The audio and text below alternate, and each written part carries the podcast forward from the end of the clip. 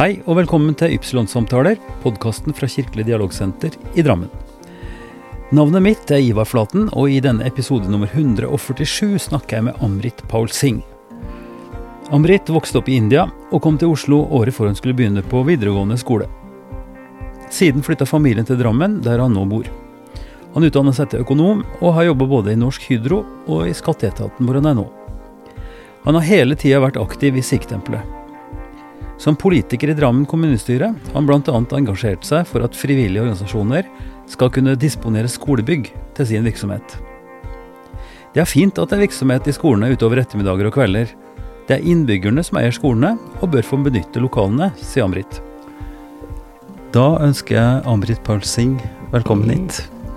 Eh, takk skal du ha. Det er hyggelig å være her eh, i år. Vi, eh, vi møttes på et veldig interessant arrangement i Øvre Eiker. Eh, da eh, Tamilske kulturforeningen hadde, hadde et jubileum. Eh, går du ofte på, på, på, slike arrangementer? Du er jo politiker og du er aktiv i din egen menighet og sånn, men, men hva er relasjonen din til, til tamilene, kan du si det? jeg har jo kjent en del av disse i andre sammenheng, f.eks. Kobal, som er leder av dem. Mm. Men det mest, eller det som er kanskje grunnen til at jeg ble også invitert, er at eh, etter, eh, gjennom koronapandemi så ble det umulig å få tak i disse utlånte lokaler fra kommunene. Ja, ja. Eh, så det er blant dem de også slet med. Mm. Men på den, på det tidspunktet var det i hvert fall en grei forklaring, for da var det egentlig kommunene vil ikke ha andre folk inne pga. smittevern. Ja, ja, nettopp. Men selv etter at koronapandemi var over, eller i hvert fall eh, restriksjonene var over, eh, det var fortsatt litt vanskelig å få tak i disse skolelokalene. Hmm. Eh, og da det, ble jeg kjent med Kobal, at de slet med det. Og så en del andre foreninger ja. som hadde egentlig samme problemet. At hmm. det var ikke så lett å få tak i sånne lokaler fra kommunen. Det er noen som fikk det veldig lett, og det er litt avhengig av på hvilken kommune de bodde i, og hvor ja, hyggelig og snill rektor er. Ja. Og det, er, det, var noe jeg reagerte på. Uh, for det er, uh, det er Drammen kommune forvalter disse lokalene på vegne av innbyggerne, så det er egentlig innbyggerne som, uh, som eier disse lokalene. Ja. og da er det faktisk bare hyggelig at folk er der på kveldene, for da, hvis når, det, når det er folk der på kveldene, så skjer ikke så veldig mye dumt. Og det ser du, du er nærmest en nabo til en skole. Ja. Så lenge det er liv der, så ja. er det jo ganske trygt, for da vet folk at det står bil der, det er folk som har møte der. Mm. Så er det veldig hyggelig og greit der. Og så i tillegg så klarer disse fag, frivillige foreninger de klarer å holde disse kontingentene og andre utgifter nede, for da har de disse ja, lokalene ja. ledere. Så det, det, er rett, rett, og slett en slags felles eh, interesse, og at, at, du så behovet for frivilligheten til å kunne bruke skoler, og da er du en slags ombudsmann, eller som politiker så, ja. så har du en rolle i å, ja. å, å få frem og, prøve å løse de problemene. Ja. Mm. Eh, og det, da vi møtte det arrangementet vi møtte, det var 21-årsdag eh, for deres tamilske forening, mm. hvor de feirer også kultur og språk, fordi det, er det de jobber med ja, for å ivareta deres identitet. Mm. Særlig med tanke på at de flytta til Norge eh, pga. krigen. Mm. Så var det enda viktigere for dem å ta vare på kulturen mm. overfor til ja. neste generasjon. Mm. Og jeg syns den jobben de har gjort det ganske bra. Ja, og jeg synes hele opplegget har vært bra for dem. Og, for de tamilske barna de har jo veldig bra eh, eh snitt på skolen. Så det er Mm. ikke som at de gjør dårlig på skole, norske skole. Så de har klart å få det både til. Eh, det er ikke bare enten eller. Mm. De har klart både det til Ja. å klare å ivareta sin identitet Mm. eh, og språket, Mm. pluss at de har gjort det bra på skolen. Men, men det er kanskje noen som misforstår det litt, som tenker at det, man skal ikke drive og, og, og lære sitt eget språk og bruke tid på at man skal lære, skal lære seg norsk. Ikke sant? Og det, det, det har den tanken at, eh, at når man har to kulturer, to språk, at det er til hinder for, for det å bli et fullverdig medlem i, i, i samfunnet. Men det er jo det du sier nå, at, at de beviser på en måte at den kulturelle bevisstheten, bevisstheten og arbeidet med sitt eget språk, bidrar kanskje til Ja, at man klarer seg bedre. Vi har jo hatt en varaordfører i Oslo eh, som var av eh, tamilsk opprinnelse. Ja, mm, Hun sitter på Stortinget, tror jeg, nå. ja, Eh, og det er jo egentlig også, jeg kjenner også for min eh, egen eh, eh, gruppe, sikhene Mm. og indere, at de har faktisk klarer å gjøre begge deler. Barna er veldig flinke til å lære språk. Tror jeg nå, jo eldre jeg begynner å bli, da tøffere er jo egentlig det. Så det er jo, jeg syns aldri er dumt å lære noen flere språk, så barna mine de kan morsmålet sitt. Mm. Eh, så har jo sønnen min også spansk på skolen, og Ja. er håper at han faktisk klarer å gjøre bra det, for det er veldig viktig å ha enda flere språk som kan, Ja. hvis han kan lære det. Ja, ja. Mm, um, det er spennende når jeg, når jeg inviterer gjester sånn som deg her nå, så, så pleier jeg ofte å, eh, å snakke om bakgrunn og hvordan, eh, hvordan reisen har vært gjennom, gjennom livet fram til nå. Men jeg har lyst til å gå rett på, på, på det som er jobben din nå først. Ja. For jeg jeg, vi, vi ser jo nå i, i media eh, altså aktualisert det her med eiendomsskatt, f.eks., der du har folk som har tjent godt med penger, men som opplever i hvert fall så, så blir det sagt at det, skattetrykket er så høyt at de, de foretrekker å reise ut av landet. Ja. Um, Senest nå på Fredrik Solvang sitt eh, Debatten, eh, Ja. en, en kar som vi faktisk kjenner litt fra før. Men, men uansett, du jobber også med skatt, men det er noe litt annet. Transfer pricing i store firmaer og sånt, Hydro og i Skatteetaten osv. Hva er det du driver med? Eh, Egentlig skal, eh, transfer pricing eh, det er jo som regel vanlige folk har ikke så veldig godt forhold til det. Nei? Det egentlig handler om egentlig flytte overskuddet fra ene land til andre. Ja. Så transfer pricing er prisen på tjeneste og vare mellom selskaper i samme konsern. Eh, og så har det har vært veldig mye fokus på, eh, og faktisk mye fokus på siden jeg begynte med den. Da jeg begynte med det området, da var det ganske nytt. Eh, Ja. Så det var ikke veldig mange som drev med. Men nå har det blitt veldig viktig, eh, akkurat pga. at folk flytter til utlandet. Ja. Så du har jo konsern som har eh, eh, avdelinger i et eller annet eh, skatteparadis, kanskje, landet. Og så Mm. da, veldig, da, er det veldig, egentlig, da har du insentiv til å flytte overskuddet dit. ja. Eh, så av det, og det er myndighetene klar over, så Mm. det, er det er full fokus på det i Norge og EU og OECD.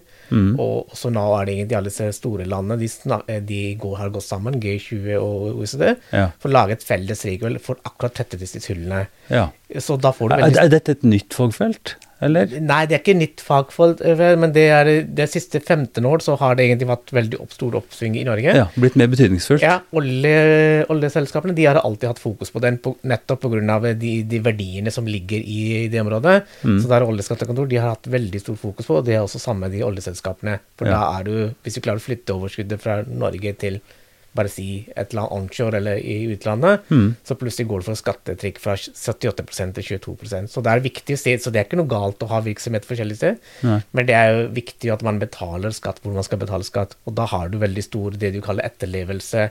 Eh, byrde at eh, selskapene må selv bevise at det de gjør riktig. Så det var den jobben jeg hadde i Hydro. Passe Ja. på at faktisk eh, man etterlever regelverk rundt omkring. For ditt, for ditt eget selskap? At du følger opp, du følger opp eh, Hydros eh, arbeid med å Ja, og, og, Altså fordi at Hydro har virksomhet i, i mange i 40 land? land. I 40 land, ja. Ja. Mm. Eh, men eh, mens vi snakka sammen, så har jo egentlig jeg jo gått tilbake til skatteetaten, så nå jobber jeg med, med, som kompetent myndighet. ja. eh, Hvor, som, hvor akkurat det er egentlig det fagfeltet transfer pricing. Eh, Ja. Men da forhandler jeg på vegne av Norge med andre land på skatteavtale. ja internasjonalt. Altså på, Ja. på, på myndighetsnivå? Myndighetsnivå. Ja. Ah, eh, er, det på en er feilkobling, eh, feilkobling når jeg sier at eh, altså Når jeg nevner dette med, med eiendomsskatt og at, at rike mennesker flytter til andre land, det er vel noe av den samme årsaken? At man flytter fordi man vil spare skatt? Altså at man betaler mindre skatt? Ikke nettopp det. Man kan, kan, man, kan, man kan og har jo virksomhet i andre land. Så Ja. det er ikke sånn at man Hvis det det er et norsk selskap, hvis det er Hydro gikk Equinor andre, det er ikke sånn at de er bare virksomhet i Norge. Nei. De selger varene, de produserer olje og andre varene i utlandet. Så du har jo egentlig reell substans. Du kan ha eh, eh, virksomhet i utlandet. Mm. Og det er nettopp derfor man er der ute. Mm. Ikke bare for å svare på det. Nei. Eh, jeg tror de, fleste konsernene, eller fleste, de driver redelig. Ja. Eh, ja. Men dette er jo som, dette er som et veldig vag fagfelt og, og krevende, og store penger som Mm. er på spill. Da. Mm. Så det er, veld, det er veldig stort fokus på det, i hvert fall disse årene. Ja. Ok, men da syns jeg vi skal ta den eh, spole, spole Ja. tilbake. Eh, Amrit, eh, som gutt, eh, hvor var du da du vokste opp som, som liten gutt? Eh, Jeg har delvis eh, vokst opp i Norge, og delvis i India. Jeg Mhm. flytta til Norge i tenårene mine. Mm Eh, 15-16-åring. Da flytta vi til Oslo. Eh, og det, da bodde vi eh, på Dalbrenna eh, et sted der, og så Mm. gikk jeg på videregående skole, eh, landbrukskjørte der. Mm. Eh, Da jeg begynte på videregående skole, så hadde jeg bare vært her i Norge i underkant av ett år. Mm. Så det var som språkmessig så var det utfordring. Det vil jeg tro. Eh, så, men det gikk jo veldig greit. Vi hadde gode klassekamerater, så flinke lærerne. Eh, så hadde vi en klasse som var, eh, som var mer som velkomstklasse. Så det er Ja. ikke som at de ikke kunne noen ting. De har vært ett år, ett og et halvt år. Mm. Eh, men det var jo stort sett de Det var egentlig alle hver som hadde kommet fra utlandet, Ja. eh, som, ikke, eh, som var ikke som snakker norsk som eh, Ikke sant? De kunne ikke nok norsk til å kunne følge undervisning på vanlig måte. Jo, det var, undervisning var mer og mindre det samme, men Ja. jeg tror det var, vi fikk kanskje litt noe ekstra timer på norsk. Ja. Men det, da var det for tempo kanskje var eh, tilpassa oss, da. Ja, ja. Eh, og alle andre fagene hadde vi Det er fag faktisk jeg tror vi hadde med andre klassene. ja, ja. Så jeg tror det, det er mest for norsk. Mm. Så slapp jeg nynorsk, norsk, og kanskje det var ikke så veldig stor synd for meg. Eh, Men det, jeg tror de, de sikkert syntes det var eh, nok eh, å bare hvis vi kunne, vi, så vi kunne lære bokmål, da. ja nettopp. Og eh, da bodde vi en, eh, bodde, eh, som, eh, noen år der. Mm. Og så jeg begynte på eh, BI, Handelshøyskolen BI. Ja. Og i den perioden vi flytta eh, til Drammen, eller at faren min flytta tilbake til Drammen. Mm. For jeg tror han hadde mesteparten av livet sitt bodd i Drammen, så bare hadde noen år hadde flytta til Oslo da vi flytta inn. da. Ja. Eh, og da bodde vi eh, er ikke så langt fra deg, egentlig, sånn på Trollstien. Mm. Eh, høyt på åsen og veldig bra utsikt. Mm. Eh, en veldig lang vinter i forhold til de som var nede nede nede ved landet. ja, si, snøen ligger litt lenger ja, her oppe. ligger litt lenger. ja, ja. Eh, så alltid man eh, Når det er så mye glass, så alltid, var det alltid klare å- Et eller annet sving man sitter fast i, så må man rigge tilbake og starte på nytt. Men det er i hvert fall veldig flott å bo her, og da har marka rett i bakgrunnen. Ja, ja, ja. Mm. Eh, ha- har, vokste du sammen med flere søsken, eller? Eh, ja, vi er tre søsken. Ja. Jeg er En eh, storsøster og en uh, yngre bror. Ja, så du er midten? Jeg er midten. Ja.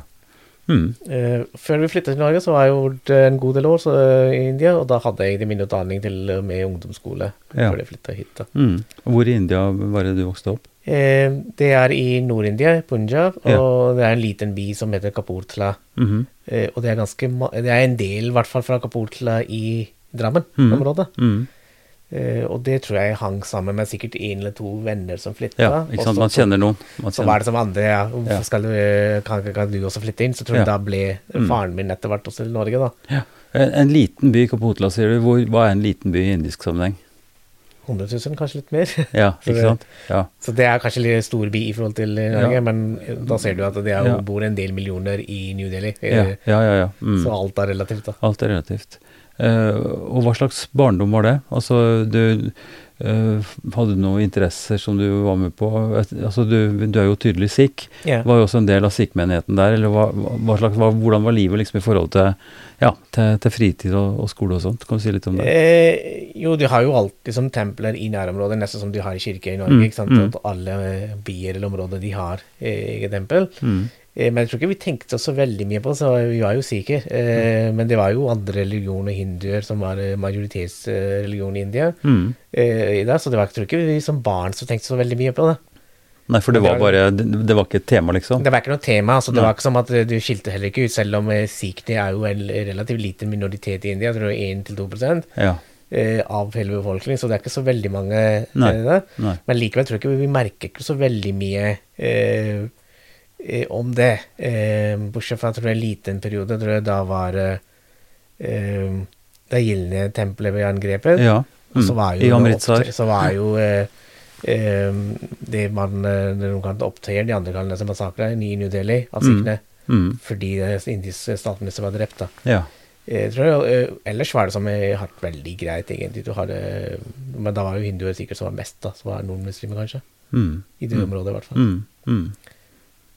Så hadde vi en eh, rektor som var, eh, som var relativt streng, da. Så han var jo, tror jeg, tidlig- tidlig militærmann, så det, han husker jeg jeg sa at Det var ikke så veldig stort rom for å gjøre feil, men uh, Nei, så du, du ble måtte oppføre deg pent og Ja. Uh, Mm. er jo, og det jeg tror det som er litt forskjellig i indiskolen skole enn i norske, de er vel veldig mye som, uh, etter den britiske modellen. Ja. Så du har uniform på skolen, og skole, skolene skal være finpussa. Ja. Eh, Så kommer du her i Norge, så kan du egentlig altså med T-skjorte og sånt, og Ja. spilte Mm. nesten ingen Mm. rolle. Så det var, i hvert fall den var litt av overgangen, og tempoet i utdanning syns jeg var litt eh, høyere og raskere. I hvert fall på den. Eh, I India? Ja. Ja, ja. Mm. Men, det, jeg- men det tror jeg er en felles erfaring. eh, Eh, sønnen vår han, han eh, gikk første året i videregående i USA. Han dro dit på utveksling. Eh, og der er så klart det samme, altså med uniform. altså Du måtte gå med bestemte Ja, ja, du kan ikke ha, ja, ja. Ehm, og, og også det med ambisjonsnivå og tempo, altså større krav. Uh, så jeg tror han opplevde det nok som uh, som ja, ikke slapt, men i hvert fall en veldig stor overgang, å komme tilbake igjen til, Ja. til norsk eh, videregående skole. Eh, og og det kan jo være en kritikk kanskje mot det norske, at det er litt, litt for slapt på en måte, at en er for opptatt av eh, av lek osv. Men, men som pedagog og som lærer og sånt, så er det jo Det vises jo at en, en kommer ganske langt også med, med det systemet vårt, hvor det er et større rom for individualitet, kanskje, hvor ungene eh, Jeg vet ikke. Hva, hva, hvordan oppleves det for din del, eh, den overgangen? Jeg er enig med deg. Det er overgangen som, som du nevnte først, som Ja. sønnen din. Mm. Det er som sånn jeg opplevde det. For da plutselig var altså alt gikk jo veldig sakte. Ja. Eh, Den eksamen jeg kunne jeg tatt på én time, så da fikk jeg fem timer på den. ikke sant? Så, Mm. Og så fikk jeg ikke lov til å gå ut av eksamenene, for da måtte det være minst én time før de fikk lov til å gå ut. Ja.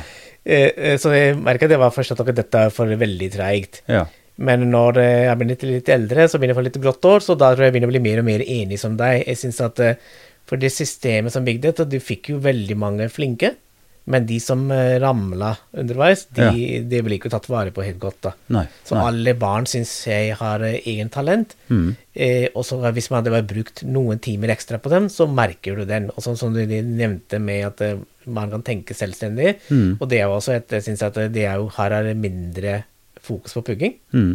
Eh, Så at hvert det du lærer, de skal lære ordentlig, slik at du faktisk klarer å tenke igjen sjøl. At det bare kan, kan At, at ikke det bare lister opp, ja, for du har ja, lært pugga Så jeg syns at det kanskje man kan være litt mellomtida, men jeg syns, eh, syns ikke den veien er god. At det er en som har tempo, at folk bare ramler bare ut av den. Eh, og det er i hvert fall det jeg prøvde å ta vare på i den uh, folkevalgte jobben jeg har. At man egentlig man skal også ta vare på de som svakeste. Ja, ja. At de ikke blir hengende etter. Mm. Og da har du som eh, Nå har de sikkert farga partipolitikk, men uh, syns jeg Ung 11 synes jeg er flott tiltak. Da får du lov til å gå et ekstra år Mm. hvis man eh, føler at man ikke er helt klar over. Ja. Så har vi hatt disse kombinasjonsklassene. Det er jo ikke akkurat samme, men det er jo nettopp for de som kommer fra utlandet. Ja. Så får det de ungdomsskoleelevene gå sammen med videregående, slik at man ser litt grann hva, hvordan dette er og sånt. Mm. ja. Jeg tror det er jo Hvis man klarer å få barna på riktig spor på, eh, fort- eh, litt tidligere, Mm. da sparer det egentlig samfunnet ganske store ressurser. Mm. Eh, la oss snakke litt om eh, La oss snakke litt om identitet. Eh, og kanskje vi skal starte med Sikh-tempelet, egentlig. Eh, fordi her i, i vårt område så er vi jo heldige i det at vi har et, et tempel som er bygd fra grunnen av som et Sikh-tempel. Vakkert eh, bygg som ligger på, på Lier, i Lier. Eh, hvor jeg har vært heldig å få besøkt mange ganger. Eh, dedikerte folk. Eh, nokså spesielt, ikke sant, med språket, goromaki, som, som ikke er lett å forstå, for, i hvert fall for nordmenn, og Nei. sikkert ikke for noen, egentlig. Altså, det er et liturgisk språk, det er Ja. mye sang, eh, en, en veldig bestemt eh, liturgi. Jeg syns det kunne vært om, om du kunne sagt litt om din Altså, eh, hvorfor syns du det er viktig å, å delta i tempelet og, og framstå som, ikke sant, med din turban og, og det som viser at du er en, en, en sikh? Hva er, hva er verdien i dette for et menneske som ikke, kanskje ikke vet så mye om sikhisme i det hele tatt? Eh, nei, som, som sagt, det er jo ikke så veldig mange nede i India, men likevel, det er jo ganske mange. Mm. Men da jeg flytta hit, så tror jeg det er jo hadde utrolig mange ganger jeg måtte forklare hva sikh er for noe. Mm. Eh, og jeg tror jeg var eneste elev eh, i klassen min, eh, vet ikke, kanskje hele skolen på landbudsjettet, Mm. som egentlig brukte turban og så var sikh. Mm. Eh, og det fortsatte jo også på høyskolene, men det var jo noen som kom på siste årene, så da var det flere som brukte turban. da. ja. Eh, og det er bare nettopp at man eh, da vet litt ufarliggjør at det eh, ikke blander sikhene med andre religioner, f.eks. Eh, en god del blander med muslimer, Mm. fordi man bruker turban og de ikke er kjent med det. Mm. Eh, og det og for min del har jo vært viktig for min som identitet eh, at vise jeg er det jeg er. Mm. Eh, og der, det er jo tempelet i Lier, og den har både funksjon som religiøsk eh, bindeledd. Mm. Så har det sosiale arenaer, så det er folk samlet sammen eh, av samme bakgrunn. Så, Mm. så det er én gang i uka minst, i hvert fall. Så da har du som f.eks. i dag, Mm. eh, så har, eh, da samler man sammen, så treffer man andre. Mm. Eh, Så det er jo eh, to eh, mål, da, kan du si. Ja. ja. Mm. Og det tempelet vi har i Lier, den eh, ble bygd i nåværende form, tror jeg nå begynner å bli 10 år, 15 år. Mm. Eh, Så det var liksom litt gammelhusaktig bygg som fortsatt står der, så de har pussa det opp. Mm. Og så har vi klart å bygge opp eh, eh, det bygget, så ganske flott bygg, og, og det er jo flere generasjoner som har lagt arbeid for slik det blir nå, da. Ja, ja. ja det For det er ikke, det er ikke så vanlig å, å kunne ha både krefter og muligheter til å bygge et, et ordentlig tempel. Det er ofte man bruker andre lokaler, ikke sant, og har gudstjenestene sine i, ja, i, i ulike eh, lokaler som ikke er bygd til Ja. det formålet. Ja. I, Og- I Oslo, for eksempel. Ja, Mm. Uh, ja så de er, og det jeg tror nettopp her også var det akkurat samme. Mm. Eh, Så måtte de kjempe, nå har jeg bare hørt historien. de måtte kjempe ganske mange år for å få eh, tillatelse for å bygge hvor de har bygga tempelet. Mm. Og det er derfor jeg er imponert over den forrige generasjonen, eller min fars generasjon, som har bygd det her. Mm. For de hadde de kanskje ikke det samme fordelet som vi har nå, da vi er så født og oppvokst her i Norge. Mm. Du kan regelverk, du vet hvem du skal eh, kontakte, du kan skrive alle disse brevene, og du kan gjøre veldig mye jobb sjøl. Mm. Eh, og de hadde sikkert jobb, eh, veldig lang arbeidsdag, og Ja. språkmessig kanskje var ikke som racer på det, men likevel, de har klart å få det til. Ja. Eh, Så når det er de har fått det til, så er det litt, det er litt enklere å drive det her. Mm. Og bare nå det gjelder å ta vare på det de har gjort. da. Mm. Men jeg er imponert over hva de har klart å få det til. Mm. Uh, Og det, er jo, det gjelder jo egentlig også andre religioner og som har fått det til. da. Ja. Mm. Nei, det, det, det er spennende. Det er ofte når vi har sånne samtaler med folk som representerer en litt annen eh, bakgrunn og historie og sånt, jeg pleier å sammenligne med sjømannskirkene. Eh, hvor nordmenn i, i f.eks. om det da er i ja, København, det er jo ikke sånn langt unna, Berlin, eh, Spania, som min bror jobber nå, hvor folk kommer sammen nettopp fordi det er en kombinasjon av tilhørighet, språklig eh, og religiøs eh, tilhørighet, men like mye det å kunne snakke, yeah. snakke språket, yeah. oppdatere seg, eh, yeah. og at det er en veldig viktig del av, av menneskers ja, identitet å kunne gjøre det. For i dag, feirer de det de kaller besaki, det er høytid eh, for sikhene. Ja. Og det er jo da eh, sikhenes tiende guru, eh, Shri Guru Gobind Singh de grunnla det de kaller kalsapan, er nåværende form av sikhisme. Så de hadde Da var det sånn det tradisjonelle klær og Ja. eh, hele pakka. ja. Eh, og det de hadde i dag, da eh, Så forrige uke hadde de Oslo sammen med turban, da, kombinasjonen av den. Ja, Så jeg tror ja. de prøver å holde det litt forskjellig uke, Ja. selv om det er datoer går på 13.-14. april. Eh, og der, men de får prøve å holde det i hvert fall på forskjellige uker, slik at folk kan være med på begge to hvis de har lyst til å være Ja. med der. Ja. Eh, tror opprinnelig var det med, med de bøndene som eh, feira besaket, eh, for da skulle egentlig høste avlinger eh, Ja. på den tida av året. Mm. Da skulle det feires. Mm. Eh, for det er den dagen eh, så ble det en kaldsapan for grunnlag, så da har det, det er en veldig viktig dag. Ja. Eh, og- vi kan bare repetere for de som ikke er helt oppdatert på sikhismen. altså kalsa, det er den skal vi si, kjernen, eller de som både i, i, i drakt og i, i holdning osv. Eh, fokusert på å, å følge sikkerhetsmenn. Ja, ja. bevisst. Altså, ja. Eh, noen har prøvd å sammenligne det med en slags dåpshandling, på en måte. Altså at man blir innviet eller går bevisst inn i i, i Kalsan, og at det er en slags, ja, en, en slags initieringsprosess eller noe sånt. Det er jo noen initieringsprosess også, eh, og da har du, da har du noen andre kalser også man må få oppfylle. Mm, Eh, og det er ikke så veldig mange i Norge som har gjort det, men det er flere og flere begynner å gjøre det der. mm, Det er egentlig mer som for å holde det som å være ordentlig sikt, da, så har du, da har du alle som alle andre religioner, så har de egne steg og, eh, som er viktig for dem. Da. Ja. For eksempel, eh, for å starte med at det er, det er ikke lov å klippe hår, så Mm. jeg har aldri klippet hår. Eh, Så bruker jeg turban, så har jeg jo langt hår. Jeg har hatt litt enda lengre hår, så nå har jeg blitt litt eldre, så mister man en del. ja, Men jeg har aldri klippet hår. Mm. Eh, Verken skjegg og på Mm. hodet. Eh, Og det er, det er jo i hvert fall ett av de kravene. det, det er et av kravene, og så har du dette armbåndet, ikke sant? Ja, ikke sant? Jeg har som armbånd eh, Ja. av eh, vanlig metall. Ja, og, og en liten dolk eh, Ja. er ofte en del av, av dette. Ja. Ja. Mm. Eh, og og tenker jo den turbandagen som du viser til, som Mm. var eh, for en uke siden, eh, er jo et utrolig godt eksempel på en, en måte å ta ta initiativ eh, på en måte som både er humørfylt og, og, og, og som er ordentlig. Men, men det å kunne tilby at folk kan prøve turban, og at man gjør, altså, gjør veldig mye ut av dette i det offentlige rommet. Det, det er ganske imponerende. Og dette har ikke vært i så fryktelig mange år. Nei, det, nei, så det, ja, så det har de har tatt helt av. Så det, de har vært noen, eh, noen lokaler fra Oslo som har eh, ungdommer som hadde begynt med den. Mm. Så de har, de har begynt med det. Det er jo egentlig også bare vise, egentlig, så det, dette er ikke noe farlig. Mm. Så, eh, og da kan det egentlig folk få knyttet en turban på seg, og så får de jo smakt gratis indisk mat, Mm. tatt bilder. Mm. Så det, det, Det er veldig mange som har, har Facebook-profiler nå med turban. Ja, av vennene mine som jeg har sett. Ja. Så det, tror jeg oppslutning så har det økt og økt. Altså nå har det de siste årene har vært rett fra Stortinget. Ja. Og det syns også bra. Da. Eh, Husker du denne, da hadde vi denne passfotosaken noen år siden. Mm. Eh, og da var jo det var jo et problem for sikene. Ja. Da måtte du knytte turban på en måte at Ja, altså pass, pass for, det var en, Norge var vel kanskje nesten det eneste landet i Eller for Ja. et av veldig få land i, i verden som krevde at ørene skulle synes når du tok Ja, passfoto.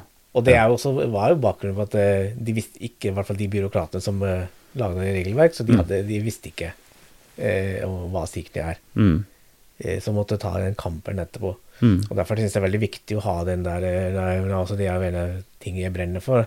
At man har høringer, at man hører folk, for da får du med seg disse tingene Mm. før faktisk man har lagt regelverket. De hadde ikke gjort det i dette tilfellet. Så var de, de endra regelverk uten å ha kjørt høringsprosessen. Ja. Og da hadde de gjort det, så skulle de kanskje spart for det hele opplegget. ja. Det, var, det, ble, det ble, ganske mye, Ja. mye surr. Og jeg husker jo vi skrev Vi var med og skrev høringssvar. Ja. Det, det ble jo en høringsrunde. Ja. Og, og, og det som heter Drammen Omegn Tro og Livssynsforum, Ja. skrev vi et, en, en høringsuttalelse hvor vi da argumenterte for, Ja. for hvorfor dette burde og må endres. Ja. ja. Ja. Men det er i hvert fall så styrke av det norske demokrati at selv om man er minoritet i minoritet, Ja. så likevel, hvis det er gode poeng, så får man kan kan få støtte for den. Mm. Man får gjennomslag for den. Og det fikk vi i dette tilfellet. Mm.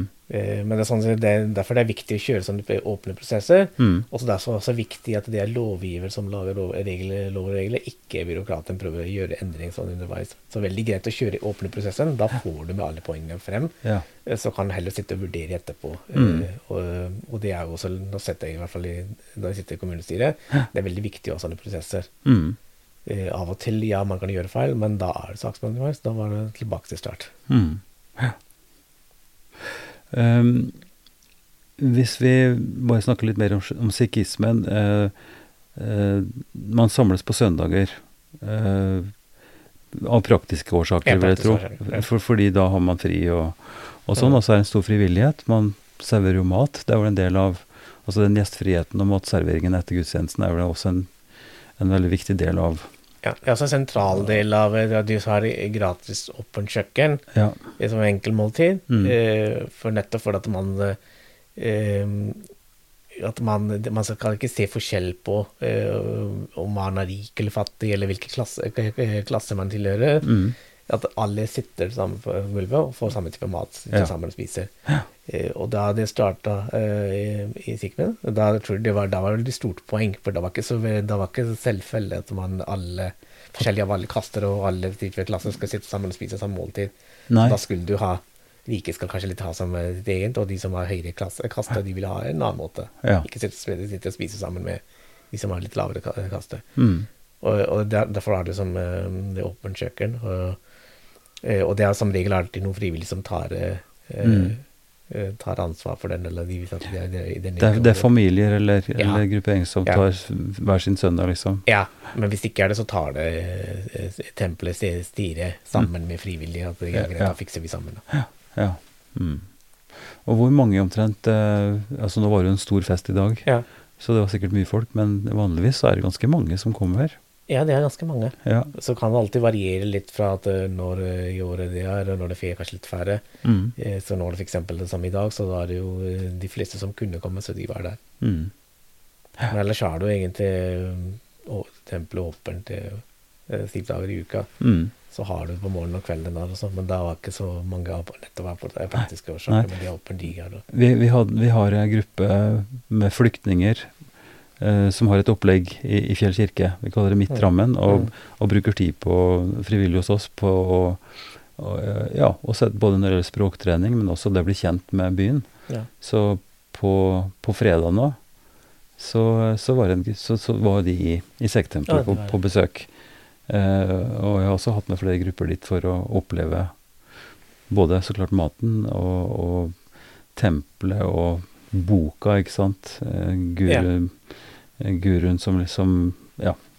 Så, så det, det, er en, det er en veldig både interessant og, og hyggelig setting. Og, og, og det har også vært sånn i det siste, tror jeg, at man har, eh, man har sendt direkte. Altså at, at det blir lagt ut på nettet. Ja. Eh, for å kunne følge med hvis man ikke er i, i tempelet, da. Ja, eh, jeg tror de har sikkert gjort det før også, men eh, spesielt i koronatid, så da var det, ganske mange som lærte eh, streaming og Teams Ja, og ting ja. og sånn, så da, så ta, da eh, streamer de Ja. direkte, så de Mm. som kan følge. Mm. Eh, så selvfølgelig, som sier, de som var, har besøkt der, så kan besøke. Tror det ellers er det bare som tar kontakt også med dem. Og, Ja, det, det er jo et poeng å si det at, eh, at det er et veldig tilgjengelig sted, og at det er, det er veldig hyggelig å komme dit, Ja. eh, og interessant. Altså, det hotell har jo også kjørt sånn eh, et opplegg eh, en gang i året, tror jeg gjør det. så Åpen Ja. hellig rom. Synes Ja. det, er også, det er veldig stor sans på den. Mm. Så jeg har vært på besøk av noen av der, men jeg tror da får man mulighet eh, til å besøke forskjellige menigheter. Men det kan sikkert du fortelle litt mer om, men det syns jeg er veldig Ja, bra. For ja, det er jo mm. da er man litt, man er kanskje litt engstelig og vanligvis å bare besøke hvis man skal, kan, skal, kan bare komme og besøke og se hvordan det er. Ja. Er med en gjeng som kanskje liksom har et opplegg, så da er det kanskje litt enklere å komme og besøke og se hva det faktisk de driver med. Ja, og det er jo noe som Drammen kommune og som politikerne har, har støtta opp om i, i ganske mange år, at, at man har fått tilskudd til DOTL, etter Drammen Omegn Ja. Trossynsforum, til å drive forskjellige prosjekter som nettopp har som formål å bringe folk sammen fra ulike eh, trosretninger.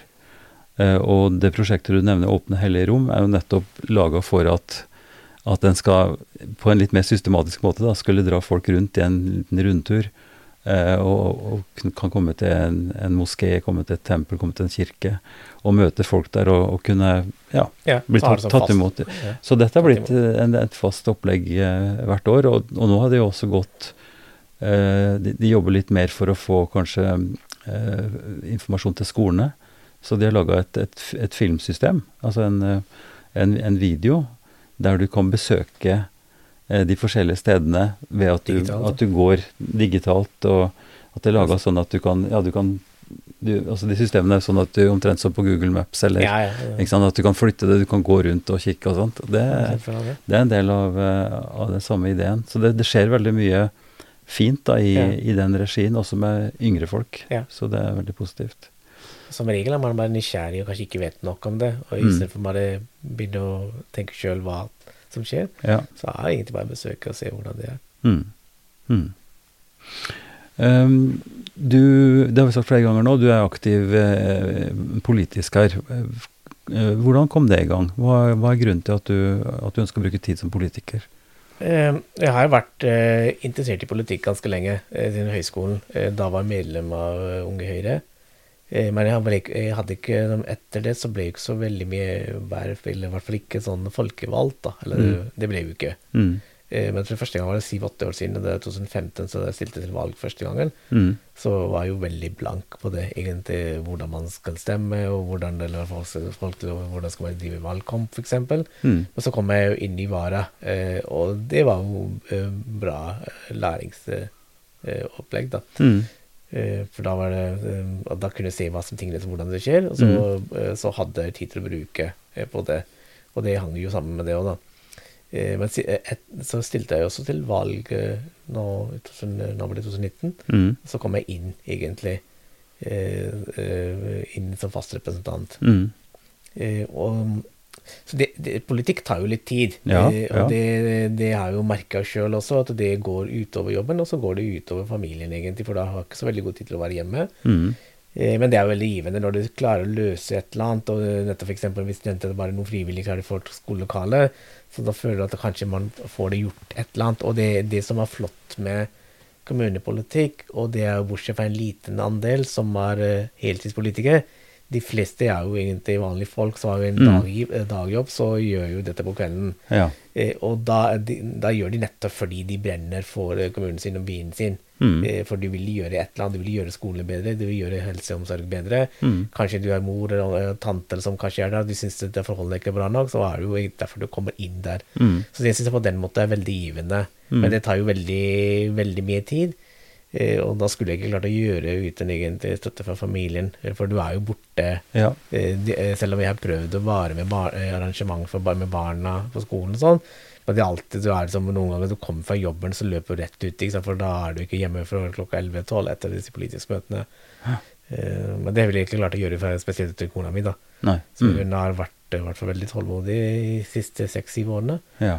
Eh, og mens jeg drevet politikk og vært, hatt veldig krevende jobb eh, med, som sjef for internasjonal skatteidrett. Eh, og det, hun har støtta hele veien, da. Mm. Så man, på en måte hun skylder jeg henne også en både takk og unnskyldning. da. ja, nettopp. Eh, takk for den jobben hun har gjort, og unnskyldning Ja. for det, den tida jeg har brukt der, så egentlig var Ja. til henne, da. Ja, ja, ja. Jo, men det, det er et interessant spørsmål, og jeg syns noen ganger at en glemmer det aspektet at det her er det frivillige som, som går inn i dette for å jobbe for fellesskapet, Ja. for å finne bedre løsninger.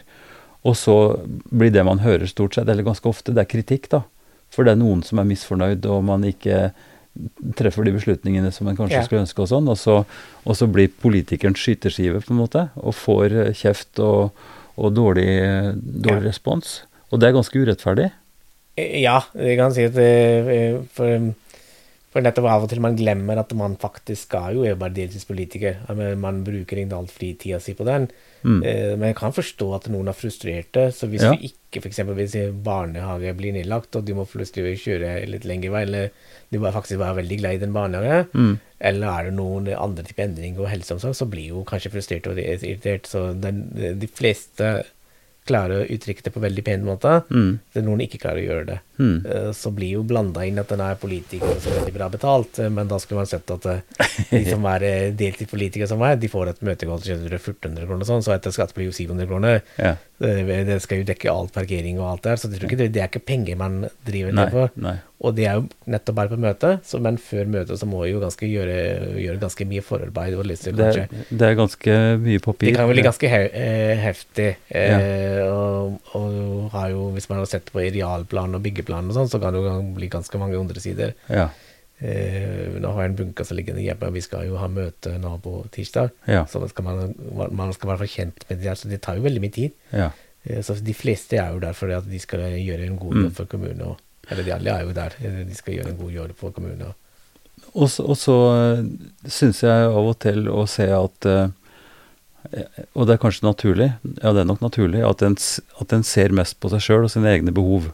Ikke sant? Den er opptatt eh, Er du småbarnsfamilie, så er du opptatt av eh, skole eller altså boforhold og sånt. Naturligvis er man det. Eh, når man begynner å bli gammel og syk, så er man opptatt av helsepolitikk og, og sånn. Mens din oppgave og eh, i kommunestyret sin oppgave er jo å balansere hensyn, altså prøve å, å treffe beslutninger som på best mulig måte dekker hele feltet. ja.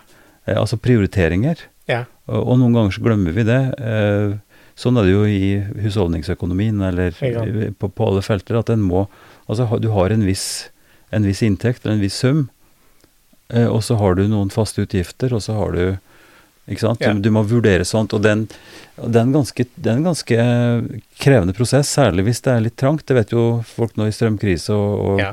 på andre måter. Altså når, når midlene blir færre og oppgavene er store, og man helst kanskje ønsker å ekspandere osv., så, eh, så det å ta, den, ta det ansvaret for å si at ok, her må vi vurdere, her Ja. må vi prioritere, og, og, og, og på en måte sette seg litt inn i det og forstå det og respektere det. Det er det jeg mener med respekt, kanskje først og fremst.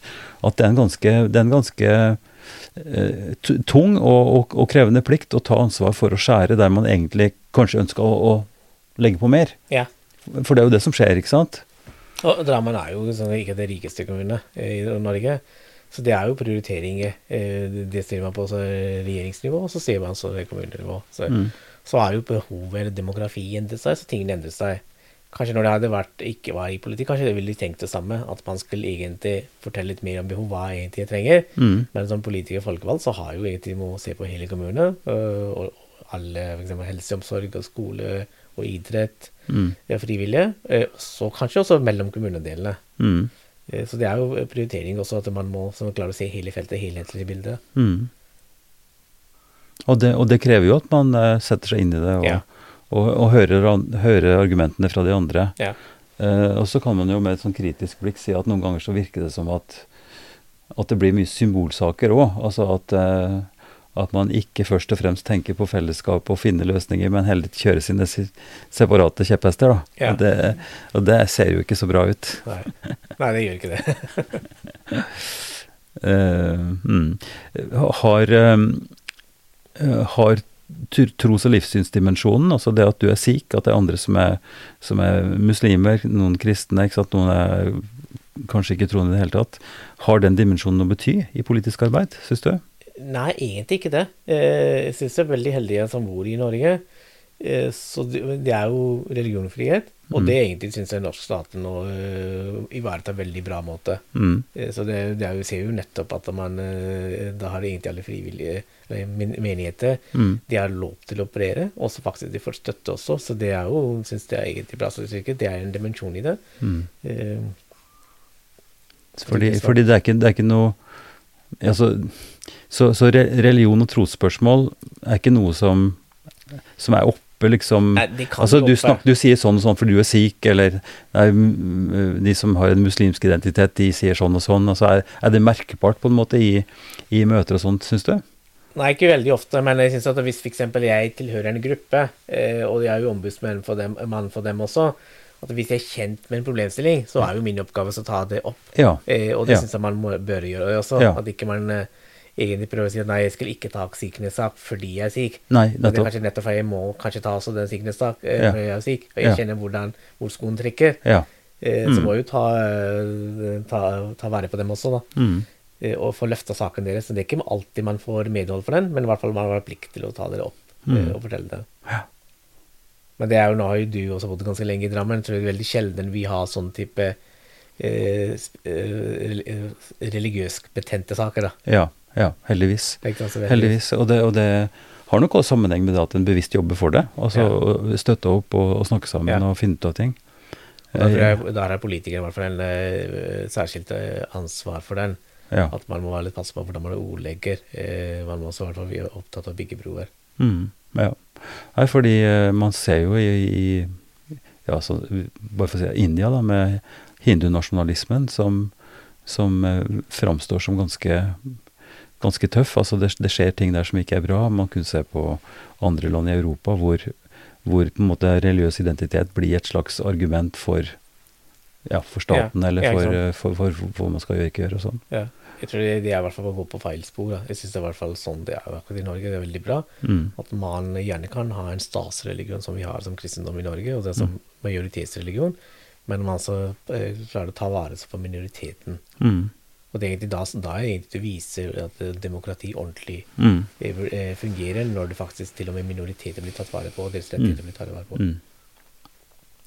Et felt som, som er mer krevende når, når vi snakker om ungdom og identitet, så Og da kanskje Jeg vet ikke om det er riktig om det er først og fremst muslimsk ungdom, men at, at disse spørsmålene til ungdom som har en annen, altså som er mørke i huden f.eks., eller som, som framstår som ikke norske, da, etter en sånn Ja. eh, veldig gammeldags eh, tenkning, eh, at de får spørsmål og holdninger som, som gjør at eh, Ja, som du kan si er rasistiske, eller, eller, eller stempler på en måte som gjør at de føler seg utafor. Altså det blir Ja. type utenforskap. Og da er det jo fristende å spørre, eh, i ditt tilfelle også, når du i din oppvekst, eh, syns du denne forskjell på sånn som du opplevde det, og sånn som ja, dine barn, og sånn som du opplever ungdomsmiljøet nå i, i, i dag? Eh, Da jeg vokste opp, eksempel, eh, i Oslo, så, jeg fikk jo sånn som jeg fortalte tidlig tidligere, at eh, jeg fikk jo en del spørsmål at turbarn turban og sånne ting, Mm, og kanskje noen ganger liksom eh, altfor mange fra samme person. Mm. Eh, så ellers syns jeg har hatt eh, veldig bra, for det er jo, eh, Oslo er jo i hvert fall eh, en god del forskjellige kulturer.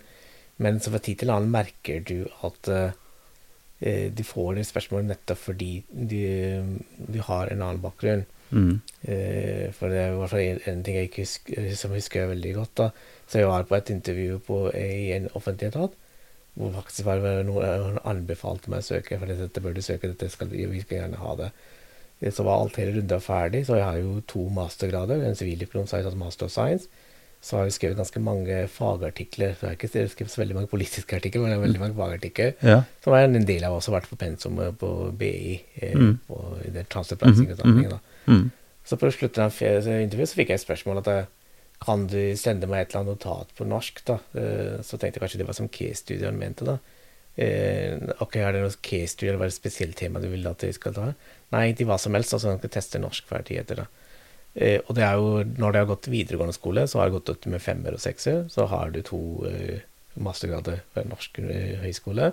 Så pluss har du skrevet en del artikler som faktisk har pensum på studiet eh, hvor har vedkommende selv sendt sine ansatte. Det virker som veldig egentlig eh, svakt. Eh, Eh, eh, Lite reflektert. Og Lite reflektert, da. En slags for, fordomsfullt, Ja. på en måte. Ikke sant? Ja. Eh, og, men det er heldigvis det er jo få sånne episoder jeg har hatt. da. Eh, men jeg har respekt for andre, at de kan ha, hatt, eh, ha flere sånne opplevelser Mm. eh, som, jeg ikke, som jeg er blitt spart for. da. Mm. Og heldigvis barna mine i hvert fall er spart for sånn, stort sett sånne opplevelser. De merker av og til at det, det er noen som reagerer litt bare, bare fordi de er sånn de er. Mm. Men jeg tror i hvert fall skolen og lærerne og medlemmer de har vært veldig flinke til å ta vare på dem. da. Mm. Nå har jeg bodd på Åssida som snart 17-18 år eh, Mm. nå. Mm. Eh, men jeg har ikke opp, i hvert fall jeg har opplevd fall skolen er flinke til å Mm. ivareta Mm. alle, alle barna. Ja. Nei, for, for det ligger jo Det ligger jo noe som grunnleggende Skal vi si I ungdomstid så er man opptatt av gruppen sin, man er Ja. opptatt av å finne ut hvem man er. Eh, og så er det noen som gjør dumme ting, ikke sant, og som markerer seg, de skal være tøffe eller Ja. eh, Og det har jo vært noen episoder her nå, det er jo unger som ikke finner seg til rette, som Ja, det har vært noen branntilløp Ja. og, og forskjellig sånt. Som, som, er no, som er nok er noe annet. Altså, det er jo noen som vil ha dette til å si at dette er integreringsproblematikk, Mm. men jeg er ikke så sikker på om det er riktig. Det er, altså, det er ganske komplekst. Altså Ja. hva som skjer i et ungdomsmiljø, og hvordan man blir eh, ja, erta. Altså jeg for min del Mm. ble jo erta ikke sant? fordi at jeg var tjukk da jeg var liten. Jeg gikk med briller, Ja, ikke sant. Ja. Sånne ting. Jeg, og, det var for så vidt uskyldig. Det var ikke sånn at jeg ble Altså jeg ble ikke traumatisert av det, men jeg husker det jo. ja, ja. Jeg, Så i en viss grad, og når vi leser altså sånn som Jean Mogaratnam f.eks., som har skrevet en veldig interessant bok om, om sin srilankesiske og, og Han, er, han er, har japansk mor og yeah. eh, lankesisk far. Eh, og- skriver veldig sterkt om det blikket da, som andre har på, på han og på, på ungdom som opplever at de, de er ikke, ikke norske nok på en eller annen måte. ja ikke sant. Uh, jeg skal ikke mase om det, men, men jeg syns det er interessant å høre eh, perspektivet, særlig framover. Altså hvis en har en idé og en, en visjon om at, at det norske nettopp er så mangfoldig som, som vi ser at det er.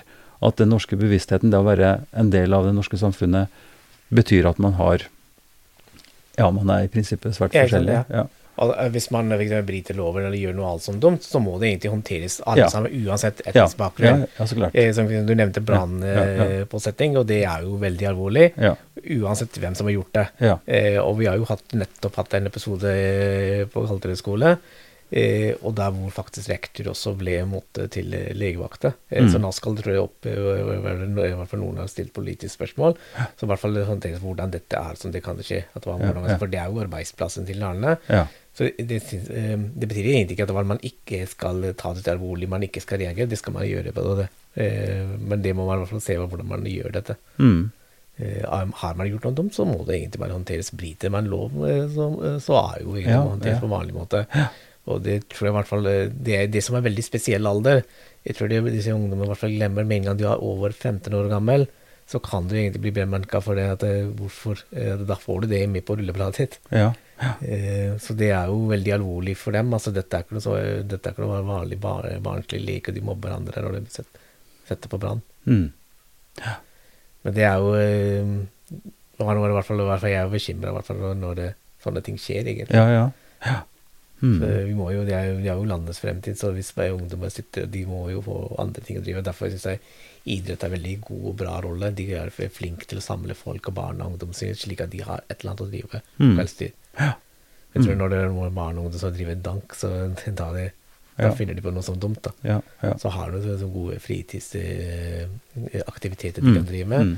Så har du egentlig en gruppe de kan forholde seg til. Ehm, vi går mot slutten her nå. Eh, jeg kunne godt tenke meg å, å be deg tenke, eller si litt om eh, hva du tror eh, er viktig nå i politikken framover. Vi har jo disse store, store sakene, sånn som klimautfordringene, klimakrise. Vi har eh, geopolitiske spenninger Ja. med krigen i Ukraina osv. Uh, og vi har, eh, vi har utfordringer her eh. Nå ser det ut til at kraftsituasjonen er bedre, men, men det er mange sånne ting som, Ja. som er ytre faktorer. da.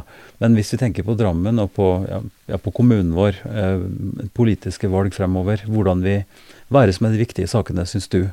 Eh, og, og, litt om, om grunnen til at du syns det er verdt å bruke så mye tid på, på politikken. Hva, ten, hva tenker du er viktig fremover? Jeg synes at Klimasaken de er, de er viktige og blir viktige viktig fremover også. Eh, Jeg synes vi er forplikta til å levere bedre kloden til eh, vår neste generasjon enn vi har mottatt den. Mm. Eh, og da, da er det noen trekk man gjør. De enkle ting er veldig enkle man kan gjøre sjøl. Og da får man ikke dårligere tilbud eh, eh, enn de har fått før. Så den tror jeg er viktig også. Mm. Eh, så det gjelder også geopolitisk også, egentlig. At det er, den er jo krigen i Ukraina. Den er helt grusom. Eh, og man egentlig eh, trodde ikke det skulle skje igjen på europeisk jord igjen. Eh, så mm, jeg syns det er i hvert fall veldig bra i hvert fall eh, eh, alle europeiske land står samlet bak Mm. Ukraina i denne konflikten. Mm. Så det er de som var offer i den situasjonen. Ja. men jeg syns også man var i hvert fall like flink også til å støtte andre land som blir angrepet. For det alle disse aggressive landene de må få en klar beskjed Mm. at uansett hvor det, hvilken kontinent man er i, Mm. så dette er ikke akseptabelt med det man driver med, angripe de andre landene. Eh, og da er det neste land vi skal tenke nøye gjennom før man gjør det. Mm. Eh, Nede i Drammen syns jeg i hvert fall det er økonomistilling. At man, det blir jo veldig viktig at man eh, eh, har noenlunde økonomistilling. Mm. eh, For man klarer å levere gode tjenester til eh, eh, alle. Mm. Men jeg syns i hvert fall helseomsorg det kommer å være en utfordring fremover. Eh, og Fordi at eh, befolkningen blir eldre, og at Ja. eh, det er demografiske årsaker, egentlig. Ja. jeg eh, og det føler jeg Når man ser at det er jo kanskje ikke fødes nok barn, da har ikke behov for like mange barnehageplasser. mm. Men jo flere som blir eldre, de lever lengre, Mm. så har jo behov for flere eh, sykehjemplasser eller, Mm. helse, eller Mm. omsorgsplassene. Det er ikke Mm. alle som trenger egentlig alle typer plassene. Eh, men så er jo behovet går forskjellig. Mm. Og det blir færre hender til å ta vare på de som blir eldre. Eh, Det synes jeg kommer til å være i hvert fall en stor eh, utfordring for uh, våre kommuner og Norge generelt. da. At det er færre unger og flere eldre. Mm. Så da gjelder det å velge politikere som, som eh, gjør jobben, og som orker å ta jobben. Ja, og så, så tror jeg da må vi tenke nytt. Eh, både for hvordan man driver helse, omsorg, politikk, og, og for det teknologi blir tatt brukt, eller sånn. Eh, for det har ikke nok Det er ikke bare penger det er snakk om, du har ikke nok hender også heller til å ta vare på de eh, Mm. når vår generasjon blir eldre. Så det er ikke nok folk til å ta vare på den.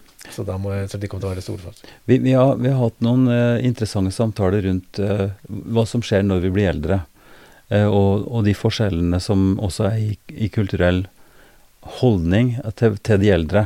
Ja.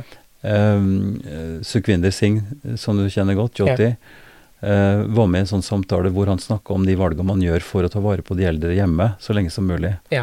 Eh, og kanskje ligger det noe der, altså at vi eh, At vi i større grad må planlegge for, for vår alderdom på en måte som vi, hvor vi kan være hjemme, men, men også eh, være i stand til å ta imot hjelp. Da, at ikke det er skambelagt. Jeg vet ikke om det er noe som er relevant i, i, i, din tenkning, i din erfaring, men at det, det er noen ja. som vil si at det er, å, å, å, overlate de eldre til det offentlige er skam, på en måte? Ja, jeg tror i hvert fall det er jo Kanskje det har, det har ikke vært sånn type eldreomsorg nede i det hele tatt. Og da er det som regel en familie som tar av eh, ja. dem. Mm. Eh, kanskje på omganger og flere søsken, f.eks. Mm. Og så mm. gjør dette her. Eh, og det er jo hyggelig for oss foreldre egentlig være med i familiene. Mm. Eh, uansett hvilken etnisk bakgrunn man har. Ja, ja. Man får besøk av barnebarna, kanskje. At man bor i det området hvor det er. Og, eh, jeg har jo naboer som er jo godt voksne, etnisk etniske nordmenn. Eh, de klarer jo ganske bra eh, på 70-80-årene, så de har klart det ganske bra. Så trenger kanskje noe hjelp. Mm, mm. Så kanskje det er man det man må tenke gjennom, at folk har forskjellige behov. Mm. Noen er kanskje si, er veldig syke, så må de må på sykehjem. Mm. De andre eh, kan og faktisk vil bo hjemme. Mm. Eh, og det er ikke nødvendig å tvinge dem til et sånt sykehjem. Eh, at man får i hvert fall det behovet, slik at de kan klare seg sjøl så lenge de vil klare seg sjøl hjemme. Mm. Så du må bare se på hele spekteret og hele stigen, mm. egentlig. At hvilken, hvilken nivå eh, hjelp man trenger. Mm. Uh, også hvis man vil bo hjemme, at man i hvert fall har eh, sånne løsninger slik at de kan bo leng lengst hjemme hvis de vil. Mm. Og det kommer vel, som du sier, teknologien og, og utviklingen inn der, at man kan få hjelp til å, å, Både når det gjelder å, å, få varslet når det er ting, men også ja. Jeg kan for eksempel Sykehjem, sykepleierne, de, hjemmesykepleierne de er på besøk, de er jo en type sånn type aktivitet at de er mm. der og gir den hjelpen mm. på akkurat det nivået, da, mm. hvis de trenger den. da. Mm. Så det jeg syns i hvert fall Det skal jo Teknologi skal ikke erstatte varme hender, da. Eh, nei, nei. Eh, så det er ikke akkurat samme å snakke med en PC, kanskje. Men det er noen ting Men det er kombinasjoner der. Det, det kan gjøre livet enklere. Vi har jo mm. fått teknologi for veldig mange andre områder. F.eks. å klare å ringe mobil. Og dette var jo Det er ikke så langt tilbake for dette var som luksusprosjekt. Eh, og da måtte jeg ha sånn Jeg husker selv på videregående skole, da måtte jeg kjøpe sånn telekort. Mm og så stå i kø? For, det, for det var bare én telefon i ja, kantina. Ja, ja. Så måtte vi stå i kø for å ringe. Så hvis den som førstemann inn da, så brukte kanskje 25 minutter på den. Så alle resten av gjengen hadde bare fem minutter for å ringe et eller annet hvis de skulle ringe. da. Ja. så plutselig man kan ringe hvor som helst, når som helst, alle kan ta, ta tak i. Så det er jo teknologiutvikling skjer overalt. da. Mm. Eh, og det vil jo også skje på helse og helseomsorg også. Mm. Ja. Nei, så, så jeg får ønske deg lykke til videre med med jobben din i, i, i Skatteetaten. At du sørger for at, eh, at, at det fins penger nok i systemet til å kunne drive tjenestene. Og, og, på den annen side, tenker du å fortsette i politikken videre? Eh, jeg tar ikke gjenvalg denne gangen. Nei. men det betyr ikke jeg er ferdig med politikken, så jeg kan godt drive partipolitikk, og så komme tilbake, tilbake neste gang. Ja. For nettopp fordi det hadde jo som vel eh, for da tenkte jeg det var veldig greit å ta vare på familien. Ja. Eh, også, mm. ja, hvert fall, nå, har jeg i hvert fall en jobb, en arbeidsgiver, mm. som er veldig forståelsesfull. Mm. Eh, og det skal bare skryte av at det offentlige er veldig flink til å egentlig tilrettelegge. Ja. Mm. Så jeg ser meg tilbake kanskje til neste valg, da. Ja. Men eh, du sier sikkert meg og igjen til partipolitikk, eller som vanlig frivillig arbeid gjennom forskjellige ja, i Drammen. Og så blir ikke borte. Nei. Amrit Pausing, takk for uh, samtalen. Tusen takk, det var veldig hyggelig å være her. Ypsilon-samtalene produseres for eh, Kirkelig dialogsenter i Drammen av Ivar Flaten. Og det er jeg som eh, har redaktøransvaret, og, og som produserer episodene. Podkasten er støtta av Drammen kommune, av eh, Barne- og familiedepartementet og av Einar Juels legat. Vi ønsker svært gjerne innspill på hvem som kan være aktuelle som eh, samtalepartnere. Gjerne også med temaer til hva dere syns kan være interessant å høre om. Gi gjerne beskjed via mail til ivar krøllalfa ifd.no. Altså ifd.no. Vi høres.